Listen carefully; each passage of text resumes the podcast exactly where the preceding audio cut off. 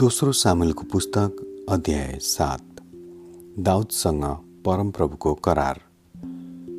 दाउदले आफैलाई आफ्नो महलमा सुरक्षित पारेपछि र तिनका चारैतिरका शत्रुहरूबाट परमप्रभुले तिनलाई विश्राम दिनुभएपछि तिनले नातान अगमभक्तालाई भने म त देवदारूले बनाएको महलमा बस्दैछु तर परमप्रभुको सन्दुक भने पालमा राखिएको छ।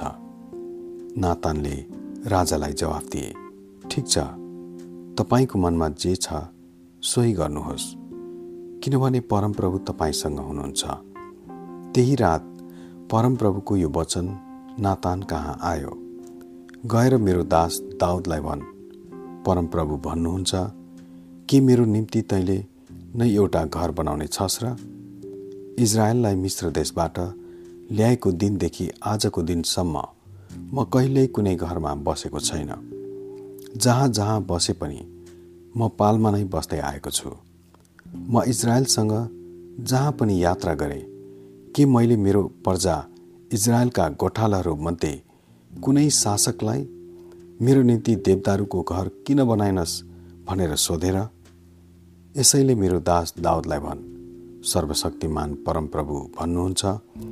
मैले तँलाई मेरो प्रजा इजरायलको गोठालो हुनलाई खर्कबाट र भेडाहरूका पछि पछि लाग्नबाट बोलाएँ जहाँ जहाँ तँ गइस् म तँसँग रहेँ र तेरा सबै शत्रुलाई तेरो बाटोदेखि नाश गरिदिएँ।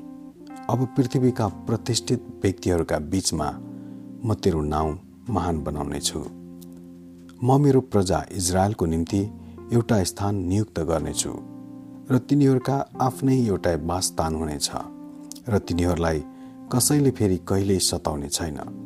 सुरु सुरुमा गरे झैँ अनि मेरो प्रजा इजरायलमाथि न्यायकर्ताहरू नियुक्त गरेको समयदेखि यसो तिनीहरूलाई दुष्ट मानिसहरूले अत्याचार गर्ने छैनन्।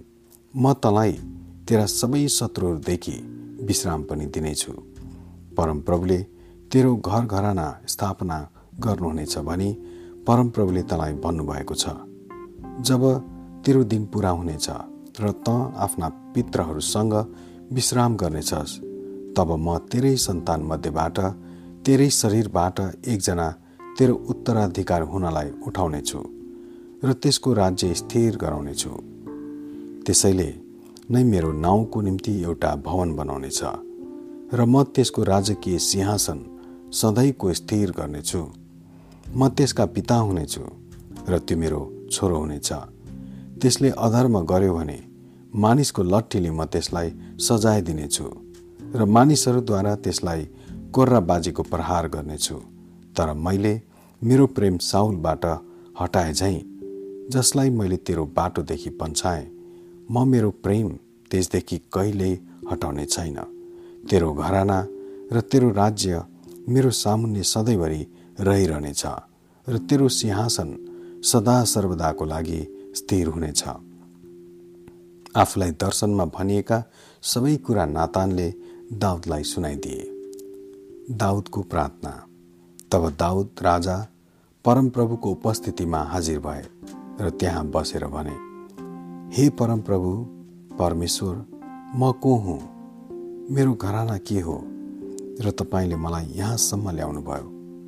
यो सबै चाहिँ तपाईँको दृष्टिमा एउटा सानो विषय जस्तो ठानेर तपाईँले त आफ्नो दासलाई त्यसको घरानाको भविष्य नै बताइदिनु भयो हे परमप्रभु परमेश्वर के यो सब तपाईँले सधैँ नै गर्ने व्यवहार हो र? अनि अब दाउद अरू व्रता के भन्न सक्छ र? किनभने तपाईँले आफ्नो दासलाई राम्ररी चिन्नुहुन्छ। हे परमप्रभु परमेश्वर तपाईँका वचनको खातिर र आफ्नो इच्छा अनुसार नै तपाईँले यो महान काम गर्नुभएको छ। र आफ्नो दासलाई यो बताउनु भएको छ। हे परमप्रभु परमेश्वर तपाईँ साँच्चै महान हुनुहुन्छ। तपाईँ जस्तै अरू कसैको विषयमा हामीले कहिल्यै सुनेका छैनौँ। तपाईँ बाहेक अरू ईश्वर छैन। अनि तपाईँको आफ्नै जाति इजरायल जस्तो अरू को छ?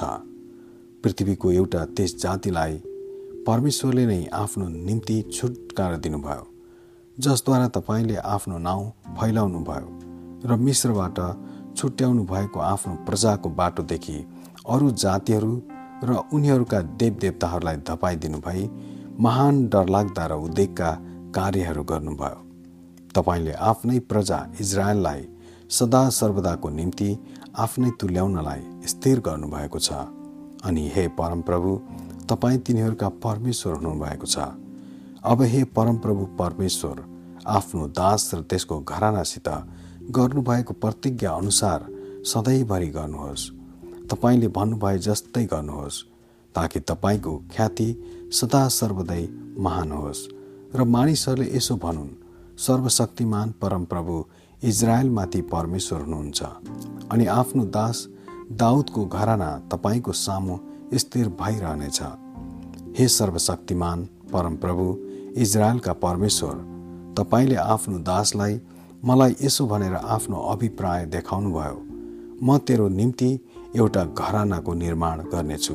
यसै कारण साहससँग म तपाईँ कहाँ यो प्रार्थना चढाइरहेको छु। हे परमप्रभु परमेश्वर तपाईँ परमेश्वर हुनुहुन्छ। तपाईँका वचन विश्वासयोग्य छन् अनि तपाईँले आफ्नो दाससँग यी उत्तम प्रतिज्ञाहरू गर्नुभएको छ। यसैले अब आफ्नो दासको घरानालाई आशिष दिनुहोस्। र त्यो तपाईँको नजर अघि रहिरहोस्।